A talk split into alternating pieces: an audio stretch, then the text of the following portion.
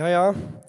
Jeg heter Martin, for de som ikke kjenner meg. Og jeg heter fortsatt Martin, for de som kjenner meg. Um, jeg har studert fire år i Bergen, skal bli lærer. Uh, nå har jeg pga. Uh, min forlovede flytta til Oslo. Uh, jeg ble trøsta med at der skulle det være finere vær, men når jeg kom til Oslo, så var det ekstremvær. Uh, men jeg ble letta når jeg fant ut at det var vanlig regnvær for oss her i Ølensvåg og i Bergen. Um, men jeg, fant, jeg så jeg leste på nyhetene at det var litt verre i Innlandet. da. Uh, der kunne en um, se filmer av, av uh, hus som fløyt ned gjennom elver. Uh, og det passer ganske fint med det jeg skal snakke om i dag. eller iallfall teksten jeg skal ta utgangspunkt i. For den står i Bergprekenen. Og det er den teksten om han som bygger huset sitt på fjell, og han som bygger huset sitt på sand. Eh, før jeg leser teksten, så har jeg lyst til å be ei kjapp bønn, jeg òg. Herre Jesus, tusen takk for at eh, du er til stede her. Jeg har lyst til å prise ditt navn og løfte det opp. Måtte du bli stor her i dag. Måtte du bli stor i livet vårt og ta den plassen du fortjener i hjertene våre. Vær til stede med din Hellige Ånd, i ditt navn. Amen. Fikk eh, streng beskjed av eh, mamma, for vi skal nå et selskap etterpå. Så jeg fikk streng beskjed av å være litt kjapp. Så en trenger ikke være redd for en veldig lang tale sånn sett. Um, men jeg begynner med å lese teksten. Derfor Vær den som hører disse mine ord og gjør etter dem. Han blir lik en forstandig mann som bygde huset sitt på fjellgrunn. Og regnet skylte ned, og flommen kom og vindene blåste og kastet seg, det, seg, mot dette huset. Men det falt ikke, for det var grunnlagt på fjell. Men den som hører disse mine ord og ikke gjør etter dem, han blir lik en uforstandig mann som bygde huset sitt på sand. Og regnet skylte ned, og flommen kom, og vindene blåste og kastet seg mot dette huset. Og det falt, og fallet var stort. Og det skjedde da Jesus hadde endt denne talen da var folket stått, slått med undring over hans lære. For han lærte dem som en som hadde myndighet, og ikke som deres skriftlærde. Rent fysisk så bygger vi jo ganske gode hus med gode fundament her på Vestlandet ofte. Mens på Østlandet så gjør de tydeligvis ikke det. Der blir huset deres tatt av regnværet og av elver. Og... Så rent fysisk så er vi jo ganske gode på dette. Um, og så blir spørsmålet i hva grad gjør vi det denne teksten handler om, i hva grad bygger vi huset vårt på fjell, i overført betydning. Dette er slutten på en tale som ofte omtales som bergpreken. Kanskje verdenshistoriens mest kjente tale. Det er Jesus som taler til mange folk. Eh, og for meg som har vokst opp i bedehuset og hørt veldig masse om, eh, om at vi, sant, vi er frelst av tru, og det er trua det handler om, eh, og det er nåde, alt er gratis, så syns jeg masse av den talen til Jesus på en måte framstår litt rart. For i den talen så på en måte forsterker Jesus den loven som vi allerede ikke klarte å følge. Eh, Gamle testamentet i Bibelen er stappfull av masse regler. Masse ting som, skulle, som jødene da skulle følge og hvis de ikke klarte det, så ble de ureine. Eh, og så kommer Jesus og skal han på en måte frelse oss fra det. Og så leser vi at han bare forsterker det. Han sier dere har hørt det sagt, eh, dere har hørt det sagt. Og så forteller han om en eller annen lov, en eller annen ting. De snakker om at det er sånn skal vi leve. Og så sier han 'men jeg sier dere', og så forsterker han det. Han gjør det på en måte masse større. Altså, for eksempel Dere har hørt dere sagt til de gamle, du skal ikke slå i hjel. Men den som slår i hjel, skal være skyldig for domstolen. Men jeg sier dere, den som uten grunn harmes på sin bror, skal være skyldig for domstolen. Og den som sier til sin bror Raka, skal være skyldig for rådet. Og den som sier du dåre, skal være skyldig til helvetes ild. Veldig sterke ord. Det kan på en måte Altså, at vi ikke skal slå i hjel, er på en måte en naturlig regel. Men at du på en måte nesten ikke skal være sint på din bror. Du skal på en måte ikke si noe stygt engang. Altså det er veldig sånn en sterk regel. Og så får det meg til å tenke på at det, det er på en måte Altså Én ting får meg til å tenke på at jeg har ikke sjanse til det her. Altså, Jeg klarer det ikke. Nå så jeg Kristoffer gikk til søndagsskolen, så da kan jeg innrømme at jeg har vært sint på han. Uh, og jeg har, også kalt han, jeg har ikke kalt han for en raka, men jeg har kalt han for andre ting. Uh, og dette er åpenbart ikke noe jeg eh, har fått til i livet. Men Jesus, som har frelst oss av nåde, han sier at dette skal vi gjøre. Sånn skal vi leve. Eh, så får meg til å tenke på nåden. Nåden har vi alltid hørt om eh, i bedehuset. Vi har alltid hørt at nåden er gratis. Vi har alltid hørt at vi er frelst av tru. Og Likevel så står Jesus her og ramser opp masse, masse gjerninger i det som omtales som på en måte hans mest kjente tale. Og Det har fått meg til å tenke på hva, hva er nåden? Hva, hva, hvordan funker nåden? For Bibelen er klinkende klar på at det, det er nåden det handler om. Vi er frelst av tru, og ikke av gjerninger. Og For noen år siden så leste jeg ei bok som heter 'Etterfølgelse' av Didrich Bonhoffer som forandra veldig masse av synet mitt på nåden og synet mitt på tru, og hva det vil si å følge etter Jesus. For i den boka så presenterer han på en måte noen begrep som heter billig nåde og dyr nåde, som to grøfter vi som kristne ofte kan falle i når det kommer til nåden.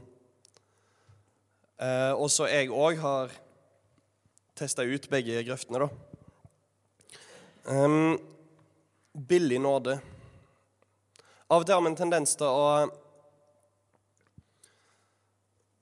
altså på en måte hvile veldig i det der eh, Jeg er frelst av tru.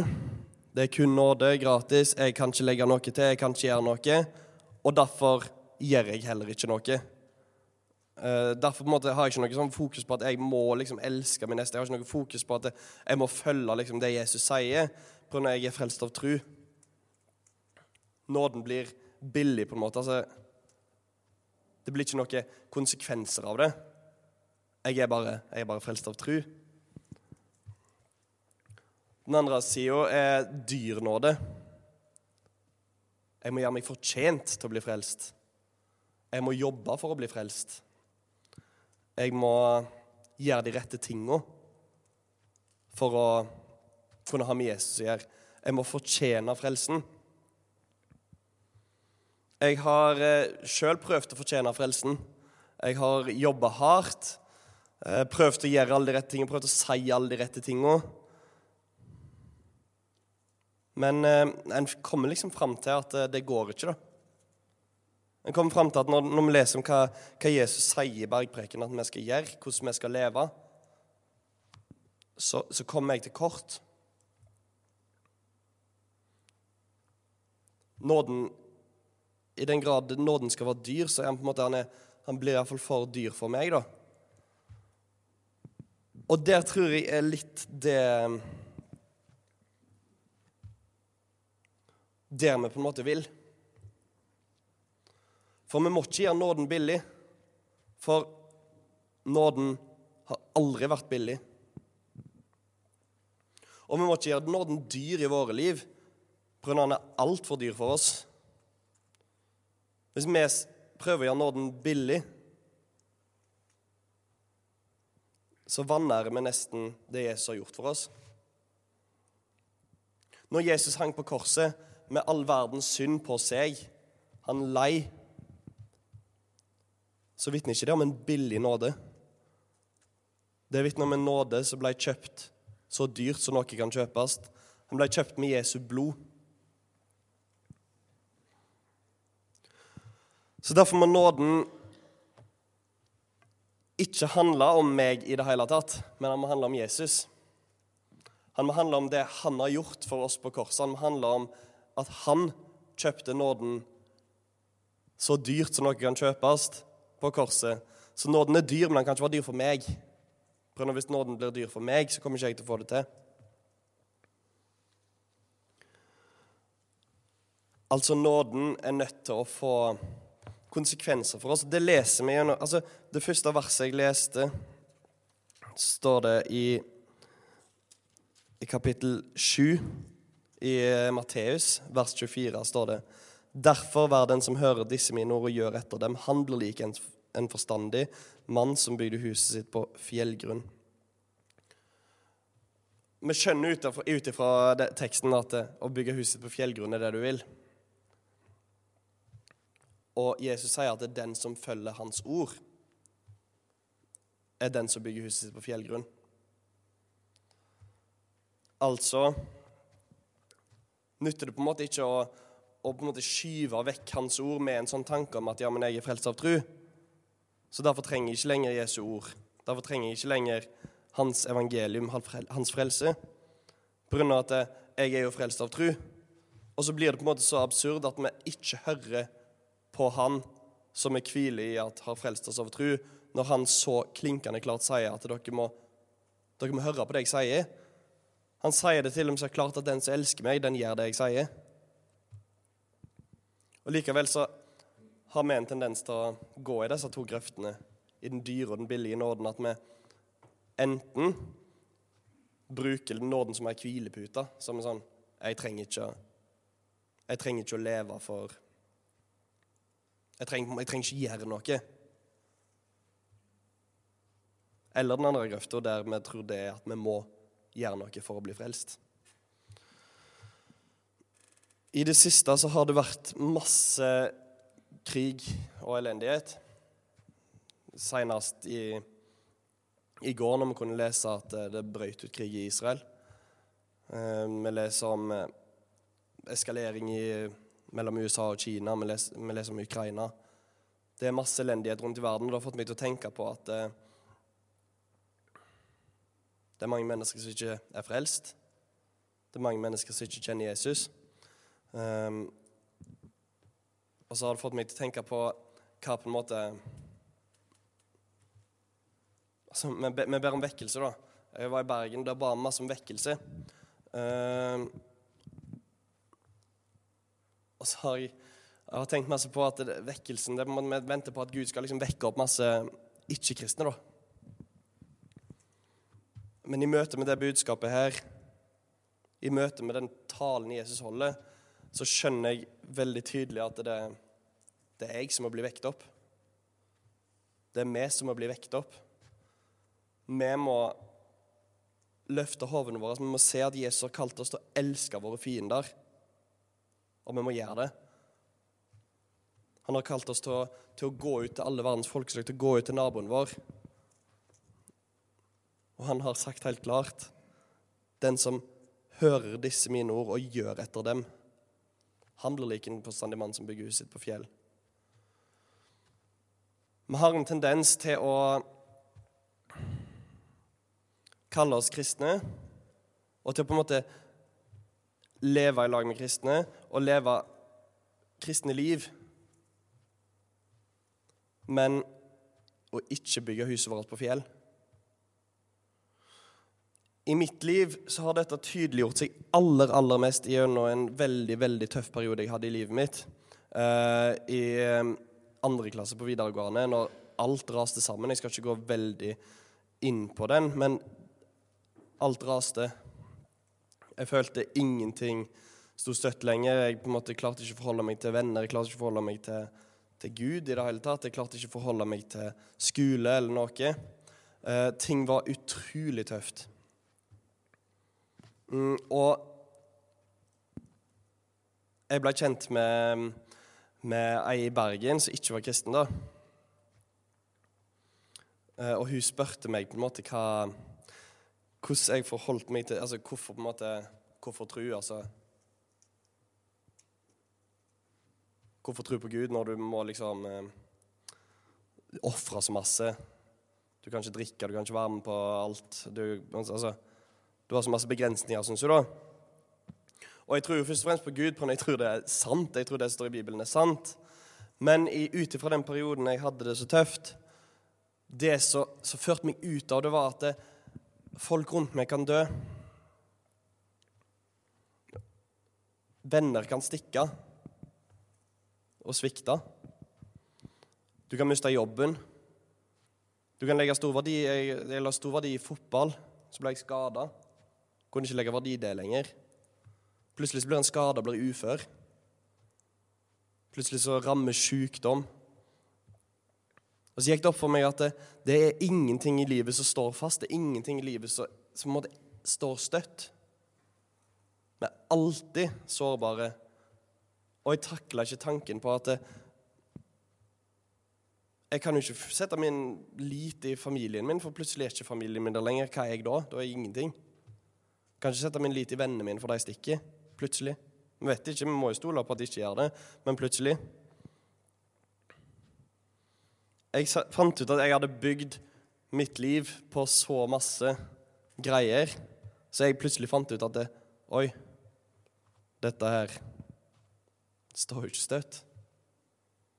Og jeg kjente meg supersårbar, jeg kjente meg naken. Jeg følte, jeg følte jeg mangla et grunnfeste i livet. Og Jeg har ofte fortalt denne historien i lag med, med når Peter går på vannet. For når Peter går ut på vannet og begynner å se bølgene rundt seg og Jeg følte det var det jeg gjorde. Jeg begynte å se rundt meg alt, det er ingenting her jeg kan stå på. Det er ingenting her jeg kan hvile på.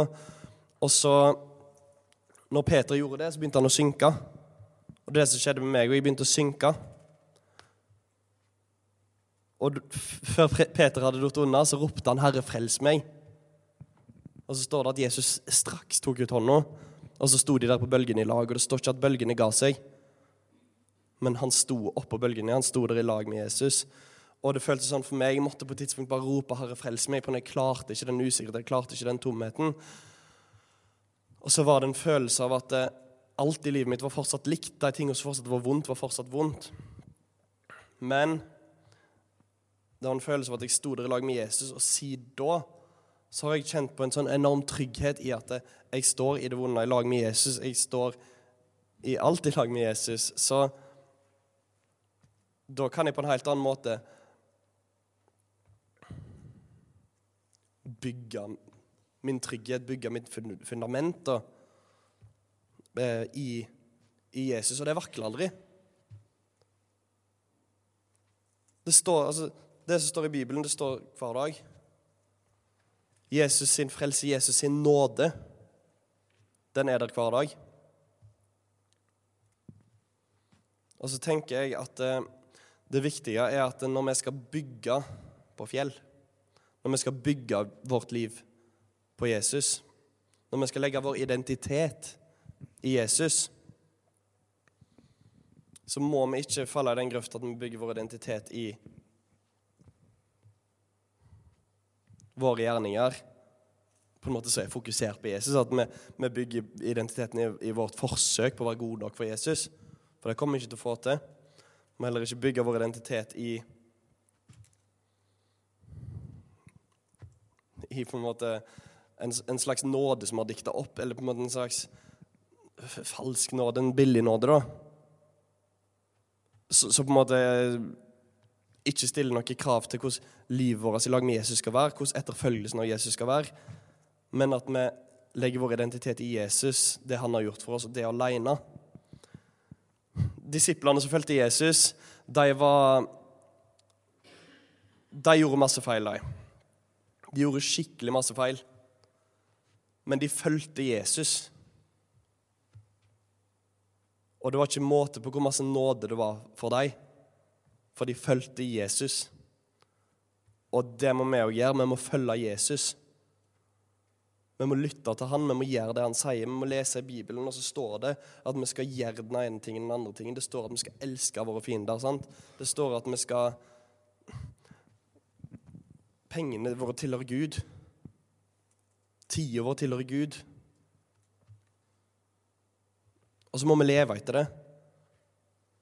Men det må begynne av Jesus, for hvis det begynner Jeg har så mange ganger begynt med meg sjøl. Jeg har så mange ganger lest disse tingene og tenkt at jeg skal skjerpe meg. Men når jeg tenker at jeg skal skjerpe meg, så begynner det med meg. Det begynner med at jeg skal få det til.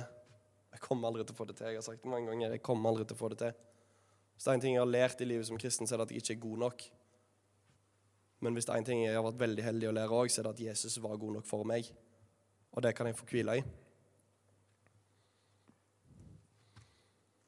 Derfor vær den som hører disse mine ord og gjør etter dem, han blir lik en forstandig mann som bygde huset sitt på fjellgrunn. Vi må bygge huset vårt på fjellgrunn. Og det gjør vi med å høre Hans ord og gjøre etter dem. Det gjelder både ordet hans om frelsen, ordet hans om korset, men òg ordet hans om livet. Og ikke la det bli en byrde. Ikke la det være noe dere strever etter, for da er vi en gang med over på den dyre nåden igjen. Den nåden vi må fortjene. Men la den være noe vi gjør inn som en respons til det Jesus har gjort for oss. For han betalte den Han betalte nåden, og den var så dyr for han.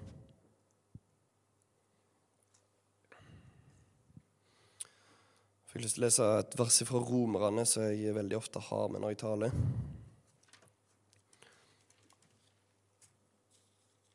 Romerne 3, og så leser jeg fra 21 og litt utover. Men nå er Guds rettferdighet, som loven og profetene vitner om, blitt åpenbart uten loven. Det er Guds rettferdighet ved tro på Jesus Kristus til alle og over alle som tror. For det er ingen forskjell. Alle har syndet og mangler Guds herlighet. Og de blir rettferdiggjort for intet av Hans nåde ved forløsningen i Kristus Jesus. Ham stilte Gud til skue i hans blod som en nådestol ved troen for å vise sin rettferdighet, fordi han i sin langmodighet hadde båret over med de syndene som før var gjort. Ved dette ville Gud vise sin rettferdighet i den tiden som nå er, så han kunne være rettferdig og rettferdiggjøre den som har troen på Jesus. Hvor er så vår ros? Den er, ut, den er utelukket. Ved hvilken lov? Gjerningens lov? Nei, ved troens lov.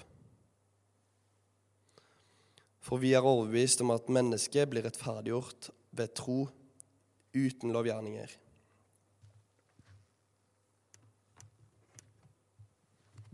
Vi blir rettferdiggjort ene og alene av Jesus og tror på det han har gjort for oss.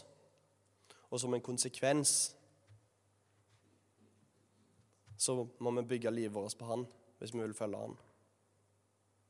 Og måten vi bygger livet vårt på Han, det er å høre Hans ord og gjøre det, det Han sier. Jeg har lyst til å be litt.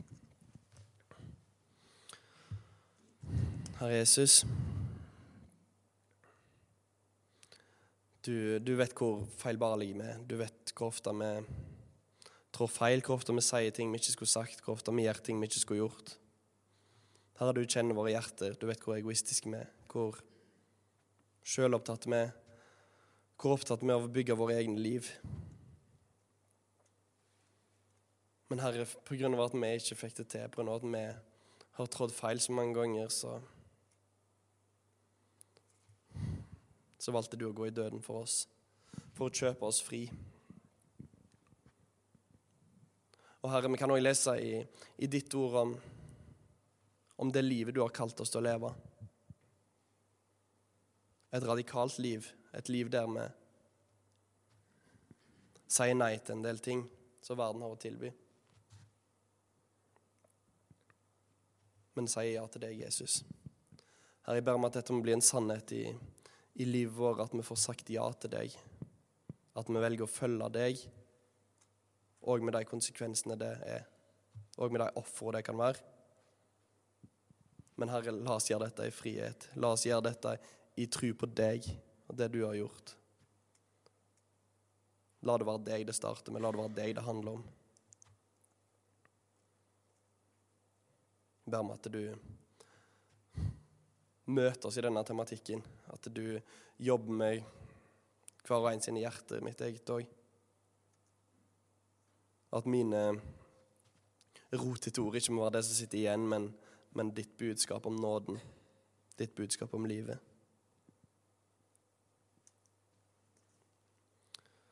Vær hos oss, Jesus, i ditt navn. Amen.